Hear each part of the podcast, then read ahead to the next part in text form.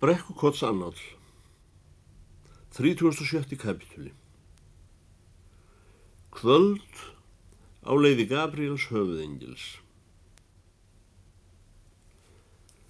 Kanski þú sért að hugsa um að slá til og verða innanbóðar þeim, saði Garðar Holm, eftir að við vorum komin út á götuna. Hann satt ekki lengi eftir að hann hafi haldið þakkarlæðu sína og bar því við sér til afsökunar að hann hefði lofað konungsráðherra að koma við hjá honum. Stóð upp og kvaldi. En þegar út var komið, gerði hann sig í öngu líklegan að stefna í átt til landshöfðingjahúsins, heldur gekk beint upp í kirkugarð. Hver veit, saði ég, hann afi vil reyndar láta mig læra til press, en ég var fyrir því óhappi að vera dúks í skóla og það er sagt að dúksar verði aldrei að manni. Ég efast ekki um að þið sendi þig í söngskóla og kosti til því sem þarf ef þið eru uppgötvað og getur haft herra en fyllir aftur það niður í hjáðum. En þó alveg sérstaklega ef Danir segja þeim að þú getur orgað herrin svín. En ég ætla að segja þér fyrirfram að það verður engin höku feitur að gerast þeirra borðsítjandi í andanum. Um jólaleitið myndu sjást fara inn í hliðargötu í útlendri borg og týna saman þá koparpenninga sem kynnuð að leynast í vörsum þín og rekna saman hvort þú eigir fyrir kaffibotla í einhverji smugu þar sem eftir vill er kynntur opn. Tjekkurinn sem þú óttir von á frá Íslandi hefur nefnilega ekki komið fram þessi jólinn fremur en jólinn í fyrra. Þú ert á yngvam vín. Þú gengur heim Þú vefur að þér snjáðu dölunni sem fylgir þessu leigurúmi og bætir frakka tötrinu þínu oná í vonum að fá úr þér jólarhóllin Ég veit að skal mann til að ná hreinum tón. Margir gáðu allt sem þeir áttu, hilsu sína til sálur og líkama og letu svo lífsitt að þeir náðanum aldrei. Samt voru þeir öfunnsverðir í samanbyrði við hína sem urðu frægir söngvarar. Á þess að vita að hreinn tón veri til. Og þeir voru sælir í samanbyrði við þá fáur sem komist nærri honum um stund eða jafnvel náðu honum. Við vorum sestir á lága bekkmyndaða leiðið á gröfinni hans Gabriel Sáluga höfuðengils. Kemur þá ávísunin aldrei, spurði ég. Hjartaði þér tegur viðbrað. Hvenar sem pósturinn ringir stundum þreysvar á dag stundum sexinum. Þú verða vona að kraftaverki gerist nú á síðasta kortýrinu áður en orðið sé heilagt. Jól eftir jól myndu býða í útlendum borgum eftir síðustu umferð brefiberans á aðfangadagskvöld en tjekkurinn frægi af Íslandi kemur ekki. Á öngu kvíkindi í samanlóðu sköpunarverkinu er jafn djúpt og tjekknum af Íslandi. Það er ekki eftir því Guðmundsens búð sé vond búð, en hún er ekki beint söngbúð. Þegar búið er að vega mönnum út skonrók í mötu á einum 20 skipum og setja slöfu á kólakörfuna og nýja snúru í lonjéttunar eittstjórans og útvega títuprjóna handa 49. frængunni. Þá getur vel verið að gvendi detti allt í einu hug. Æ, hvur skrættin. Nú var ég rétt búin að gleyma sjálfur menningunni. Hvað er nú aftur gersbók sem ég ætlaði að stúdýra í nótt þegar konan mér væri farin að sofa? Og hvernig var það? Áttu við hér í búðin ekki einhvers staðar söngmann á gangi út í löndum? En þá getur vel verið að komið sér fram á góðu, kannski fram á einn mánuð. Hvor veitna múðu sjá nokkur sterlingspund undir vorið? Ég held ég myndi reyna að leita fyrir mér um fiskvinnu í útlöndum heldur en býða þangu til ég verið döður, sagði ég.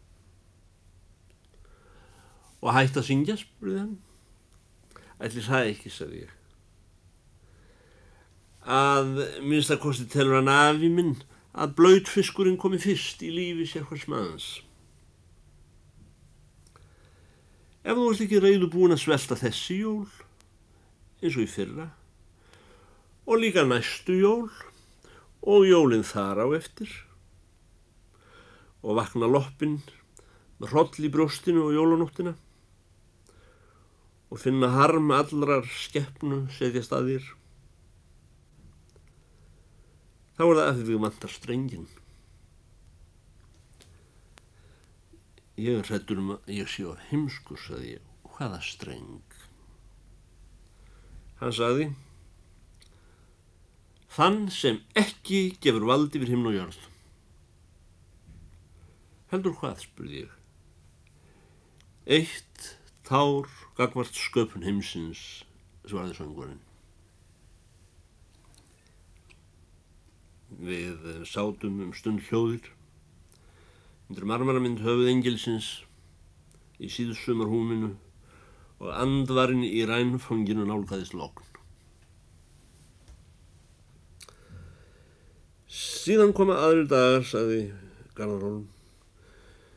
Im wunderschönen Monat Mai, als alle Knospen sprangen. Schumann, Heine og áinn Rín. Einhvern morgun fyrir ungur hópur í skemmtiferð upp yfir fljóti og þið eruð úti allan daginn. Þið komið í fornan aldingarð og sláðið í ringdans. Færið inn í svala miðaldakrá og kneyfið úr æfagömmum kollum. Stúlkunnar í hópnum er á þjóðbúningum eftir síð bændafólks. Um kvöldið þegar þið syklið heim og túnlið er stigið upp á heiminn hvelið, veist ekki fyrir neinn stúlkan úr hópnum hjúfrar sig upp að þér í náttblænum þar sem þið sitið aftur á í ferjunni að horfa á varsíman. Það er svo sama og kom öll upp í fangið á þér í dansinum. Nú grúfur hún andlítið undir vangaðinn freitt, hún læst sofa. Og skilnaði hvíslar hún ætlar að sjá mig líka á morgun. En á morgun er hún auðvitað ekki lengur ringdansara í þjóðbúningi. Hún er hátt prúðmenta kona, klætt eftir tísku stórbæjana, með að segja göfu í háttalagi. Veitingahúsið þar sem hún setti þér stefnumót mælir alveg sérstaklega með styrjur hróknunum hjá sér. Hún spyrði og hvernig þú sért búin að læra söng. Setna orðar hún það þannig þennan söng. Á endanum segir hún þennan blessaðan söng. Með öðrum orðum hvernig ætlar að hætta þessu bölguðu gargi. Hverju svarar þú þá? Ef þú svarar aldrei þá finnst henni úr sérstaklega fyndin og hlæðir og hlæðir. Og hlátur hennar meira að segja sannur. Hún spyr hvað þú ætlar að gera í eiliðinni þegar þú sérst búinn að læra söng og að þú svarar ekki neitt. Þá hlæður hún aftur. Það er sjálf eftir að hitta svona óvenju fyndin mann. Þú ert sérkennilegur en allir aðrir menn. Þú hlýtur að vera miljónamæringur og þú getur leift þér að vera svona fyndin. Ég er nú Guðmúnsens búið á Íslandi, segir þú. er ekki vonan langi að hitta sem oftast svona fyndin mann. Senast fer hún með þig heim til foreldra sinna. Það er sunnudagsmáltíð með hvítvíni og um, hæverskleg spásýring í parkinum á eftir. Þá segir hún, vil ekki hætta að syngja? Nema bara fyrir mig. Og vera á kontorni hjá honum pappa mínum. Hann lætur baka hundrað smálistar kringlum á dag. Eða stinga 1100 svín. Eða voru átján hundru svín. Og um, hann spilar á kontrabass á sunnudum kannski giftuð okkur. Og árið erstu orðin yfir kontúristi hjá hann árið þar á eftir kannski undirforstjóri senast að eigum við bakarið eða er bakari sláturhús eða sláturhús? Þú, ég. Og uh, þú spilar á kontrabassa með flest dyrðarmönnum og stór kringlubökurum og sunnudöfum.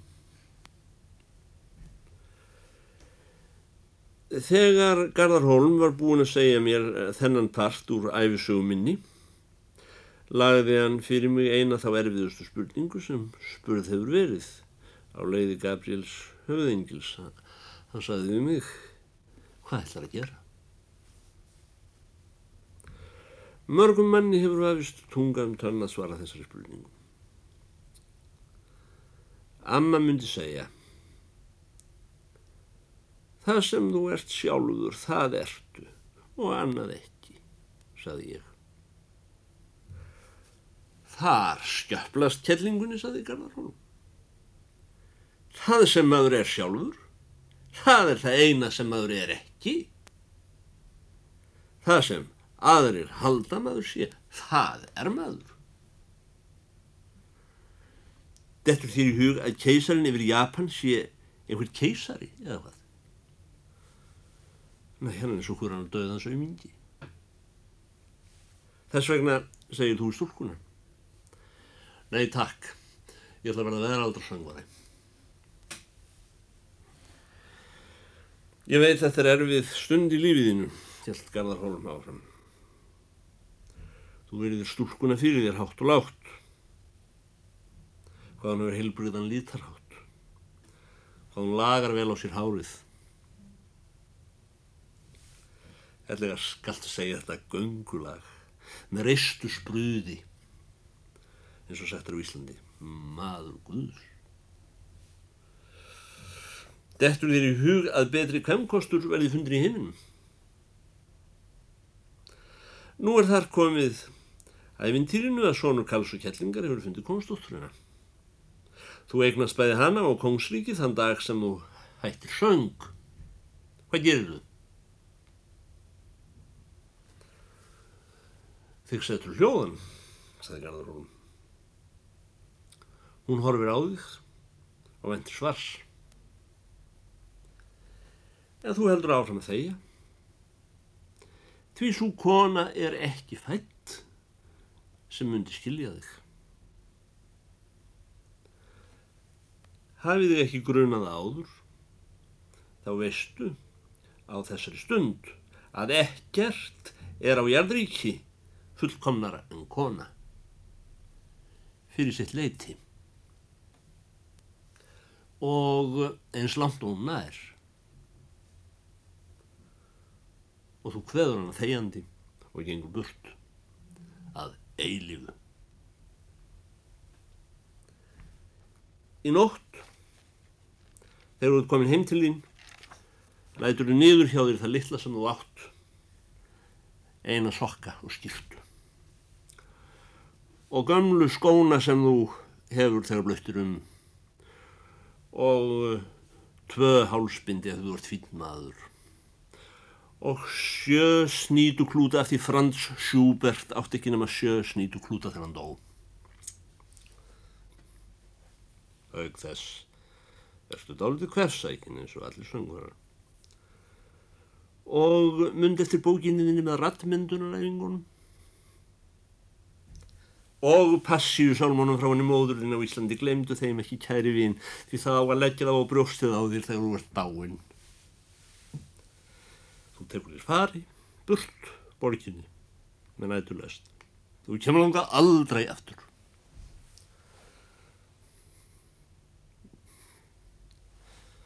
Nú var þar komið æfisuguminni að það mátti svo sem einu gilda hverju ég svaraði en það saði ég ekki neitt. Herðu verðt ekki svona dabur í bræðið góði. Þessu líkar öll hvæði eftir hæni, það eru sveitamenn einir sem ekki hlæða þeim. Eða kannski öll heldur kalvínistar. Það er vani út í heimi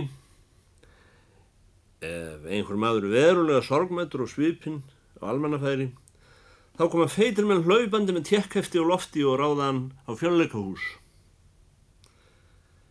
Þeir kenna svoleiðis mönnum að ríða á hjólhesti sem fyrir sundur þegar reyndir að stíða bak ellega láta þá draga strengjalösa fýðlu með sópskafti. Heyrðu, Viltu ekki annars fara í söngkór til vesturheimsvinur? 100 dólarar á mánuð og allt frýtt. Þannig er lukkan komin inn úr dýrónu hjá þér. Slembi lukkan, stráka lukkan.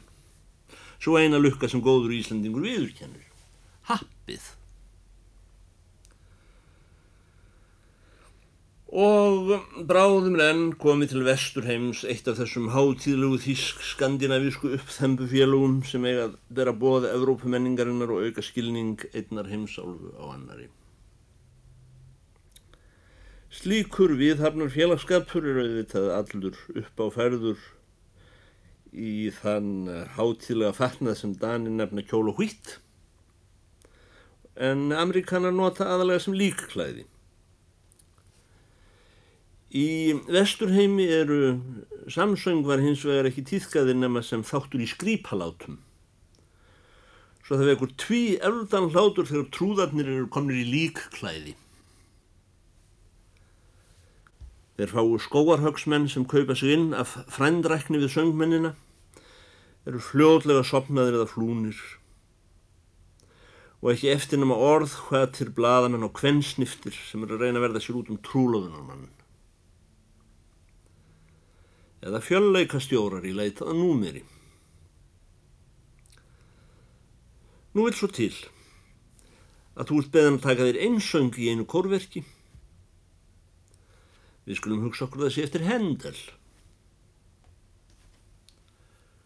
Þú stýgur fram þegar þinn típar komin.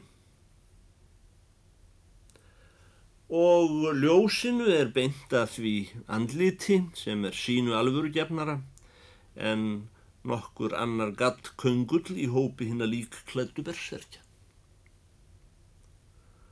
Þú upphefur auðin og það er eins og fólk í vakni. Og þegar þú líkur sundur munni og fyrstu tónarnir eru að myndast í hálsiðir, knúðir af dipstu aðeð hjartans, nei við sleppum tím enginn skilur hjartað.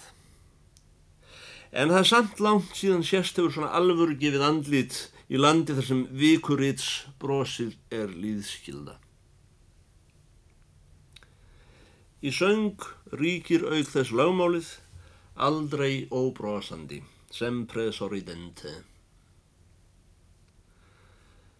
Tótt þinn upphefst með ratmyndun sem villist á hjarðljóði og herrhvöld. Hjarðljóðið, sungið af hetjutennur, þar sjálfur hjákátleg leikinn uppmálaður og hlátur brímið dýnur yfir. Það var ekki undur þó nú byrjað að fara um mig, Álfgrím, og ég spurði snögt, syngi ég þá sér svona? Já, svona syngur þau, sagði Garðarhól.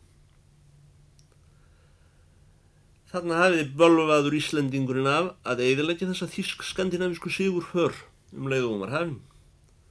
Og nú er það söngstjórin sjálfur sem talar. Það er viðbúið ef þú sínir eftir á því smettið í þessum kór að við verðum allir kæfiðir í hlátri hér í vesturheimi. Þú lokar þig inni í gisti herbergjum kvöldið og fyrir eitt hvað að reyna að hugsa þó slíkt sé tilgangslítið úr því sem komið er. Kanski segir líka við sjálfan þig, þetta er honum Garðar í Holm að kenna honum sem satt á leiðinu hans Gabriels sálega höfuðengils og hlustuðum syngja allt eins og blómsrið eina yfir manni sem vantaði á andlitið. Það var hann sem kom því inn hjá mér að ég reði fyrir streng náðargáfunar þeim tóni sem næði til hjartans og gæti kallað fram þetta ónýta saltvatn sem við nefnum tár. Einmitt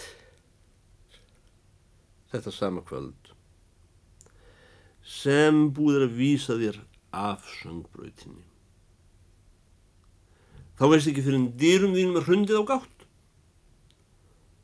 og nafn kunnur hljómleika haldari stendur á gólfinu hjá þér og er tekinn til að faðma þig og kissa. Kæra elskulega númer, segir hann og veifar tjekkheftinu.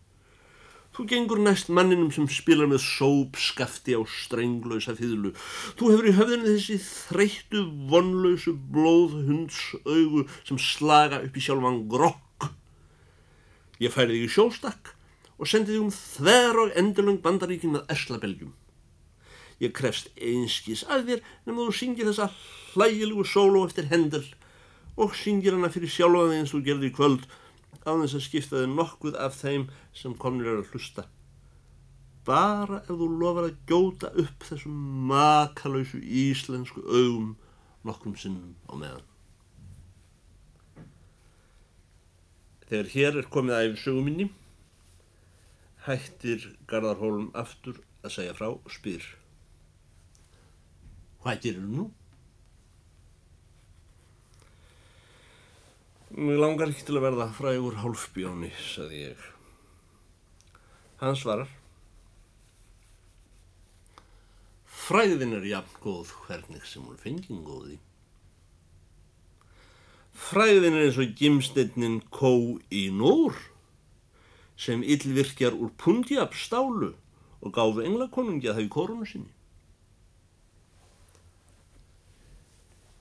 Þetta þísk-skandinavíska Evrópumenningar félag sem þú varst bundinn, það hefur sagt þér að fara guð á veld í grátt brókarhald. Á samri stund kemur amrist skrýpafélag og býður þér allt það fyrir og alla þá fræð sem skrýpatrúður getur eignast hér í heimi. Hvað gerir þú? Um það er að velja að verða hlægilegur harmsöngvari sem allstar er víst á dýr eða sorglegur skrýpatrúður sem allar dýr standa opnar. Nú er að setja sér fyrir sjónir hvers maður leitar í list sinni. Vildir þú nafnin leysi? Eða varst að leita fræð? Ég sagði, mér finnst óverðskulduð fræð engjum fræð. Slíkt væri í hæstalegi annar manna fræð. Garðar Holm spurði. Á englakonungur stílið að bera gimsteinin Kohínúr? Mér finnst að sá einn þóli að bera gimstein sem á mótvirði hans sjálfum sér, saði ég. Það er miskilningur góði, saði Garðarhólum. Sá maður sem er einhvers virði eignast aldrei gimstein. Hvað ætlar að gera? Ég sagði, ætli fær ekki bara heim? Þú kemst ekki heim, saði Garðarhólum. Þú er einhver peninga. Hún amma þín er dáin. Þú getur reyndar farið út að þvó vagna á næturnar eða skóla diska á hóteli í vonum að hafa upp í þararreil eftir trú fjögur ár og koma svo loksins heim aftur, skipur eika maður í snafsin hjá honum Guðmúnsen, þannig sem þú laður á stað. En vandi þinn er óleistur. Akkurju vilt ekki vinna þér fjö og frama í staðin fyrir að standa í snapsinum hjá Guðmúnsson? Ef ég næ ekki hreinum tón, þá kæri ég mig ekki dumöfra frægur, sagði ég. Já, bara sá tónværin og trygging fræðar, sagði Garðrólum. en hann er því mýður miklu nær því að vera leiðin til fullkomins nafnleisis. Ef flettir upp í alfræðibókum, kemur í ljós að ótíndir þjófar, að ekki tala um mandrápara, einhverjum margfalda mandrápara, uppskera miklu meira lesmál en helstu andansmenn og snillingar. Þú leggur út að afla þér fjár og frama sem söngmannsefni. Þér er bóðið að leggja undir því heiminn sem fíbl. Kanski sem glæpamaður. Kjóstu, kjóstu hér og nú. Ég svaraði einhvern veginn sem svona. Æ, flest af því sem sagt er við mig um þræð og þess áttarferðsur og ofangarða neðan hjá mér þó mér þykir dáliti gaman að söng. Ég er eitthvað svo bundin brekkukottspartinum. Von mín hefur lengstum verið með að verða grásleppu kall. Og ég veit að þegar ég verið týraður og er búin að missa sjón og heyrn ilmaðsmekk og tilfinning þá sit ég einhverstað í hodni og er að hugsa um því að vera að viti um hrottjelsin og um afa minn við hérna á skerja fyrir útmánuðum áður en nokkur maður var komin og fætur á modnana og hver ekki uh, sá sljóstýrnum í einu koti á alltunis Þú skrítin piltur, sagði Garðarhóðan og horfið á mig í síðsumardimmunni Trúur ekki neitt ekki að hún skapa hann hlut ekki einu sinni rakarinn í Sevilja Hvor er hans. Rakarinn í Sevilja, Garðarholm. Kannast ekki við mest rakara heimsins? Hvað kenna þeir ykkur í latínuskólanum? Eða kenna ykkur ekki um þann rakara sem allir aðri rakarar fölna fyrir? Við erum því miður stutt komnir í rakara málum, sagði ég. Fyrirgeðu hvað ég er heimskur. Með leifi, hvað rakar þessi rakari sem þú nefnir? Og hvern rakaran? Það er annar mál, sagði Garðar Holm. Það er nefnilega meir en vafa samt að rakarinn í Sevilja hafi kunnað að raka. Að minnst að kosti fór allt út um þúfur þegar hann ætlaði að fara að raka Dom Bartolo í þriðja þætti því Dom Bartolo var allt í einu staðin upp og hann að fljúast á við Alma Víva Greifa með sápunum framann í sér. Allt sem við vitum um þennan rakara er að hann reyndi með hjálp gítars að koma saman ástum ókunnugs fólks. En eða skildi nú sannast að Figaro kunni ekki að raka. Hafnarðu þá rakarann í Sevilla eins og hann leggur sig, ásamt með sjálfum Rossini og allri hljómsveitinni. Ég hef hlustað á mikla röggræður um rakaramálið sem er eitt stærsta mál hér á Íslandi, sagði ég, en ég hef aldrei áður heilt að maður eigi að trú á rakara sem sannanlega kunni ekki að raka. Þú trúur þá vonandi draugasögum, sagði Garðarholm. Æsvei draugasögum, sagði ég. Já, einmitt það, sagði ég. Mér skilst þú sért við hrókafullur úrlingur. Ögn hafinn yfir mannkynnið ef ég mætti orða það svo. Því mannkynnið hefur tilneyingu til að trúa draugasögum. Það er þess styrkur. Ef þú skeitir ekki þessum grundvallar sannleikum mannkynnið, þá er ég sættur um að geti hent sín góði. Ég held að séu öngur draugar til, sagði ég. Hann sagði, andleg verðmæti mannkynsins hafa skapast af trúni á það sem spekingar neyta. Ég spurði þig á þann, hvað kýstu á krossgötum lífsþins? Nú svaraði mér ekki. Nú spyr ég þig. Hvernig ætlaði að lifa ef þú afneitar ekki að þess rakrannum í Sevilja heldur líka menningargildi draugarsögunar. Ég ætla að reyna að lifa eins og einhver draugar verið til, sagði ég. Og skipta mér sem minnst af þessum heimsfræða rakara sem öngvan hefur rakað. Garðarholm spurði. Ef sannað verður með náttúrufræði eða sagfræði eða jafnvel fyrir rétti að uppriðsan sé ekki nema miðlungi vel vittnisföst. Ætlar þá að hafna hámólmessunni? Viltu loka Péturskirkjunni að það hafi komið upp úr durnum að hún er jartekn rángra lífskoðana og myndi koma mönnum að betri nótum sem hestarétt? Því líkt æmalega slís að þeir Giotto og Fra Angelico skildu hafa flægt sig í fölsku hugmyndakerfi sem málarar í staðin fyrir að halda sér við raunsægi stefnuna. Saganum var í meir auðvitað eins og hverjum skreitni óráðandra manna. Og svo maður svindlari sem leiði sér að andvarpa Pietà Signor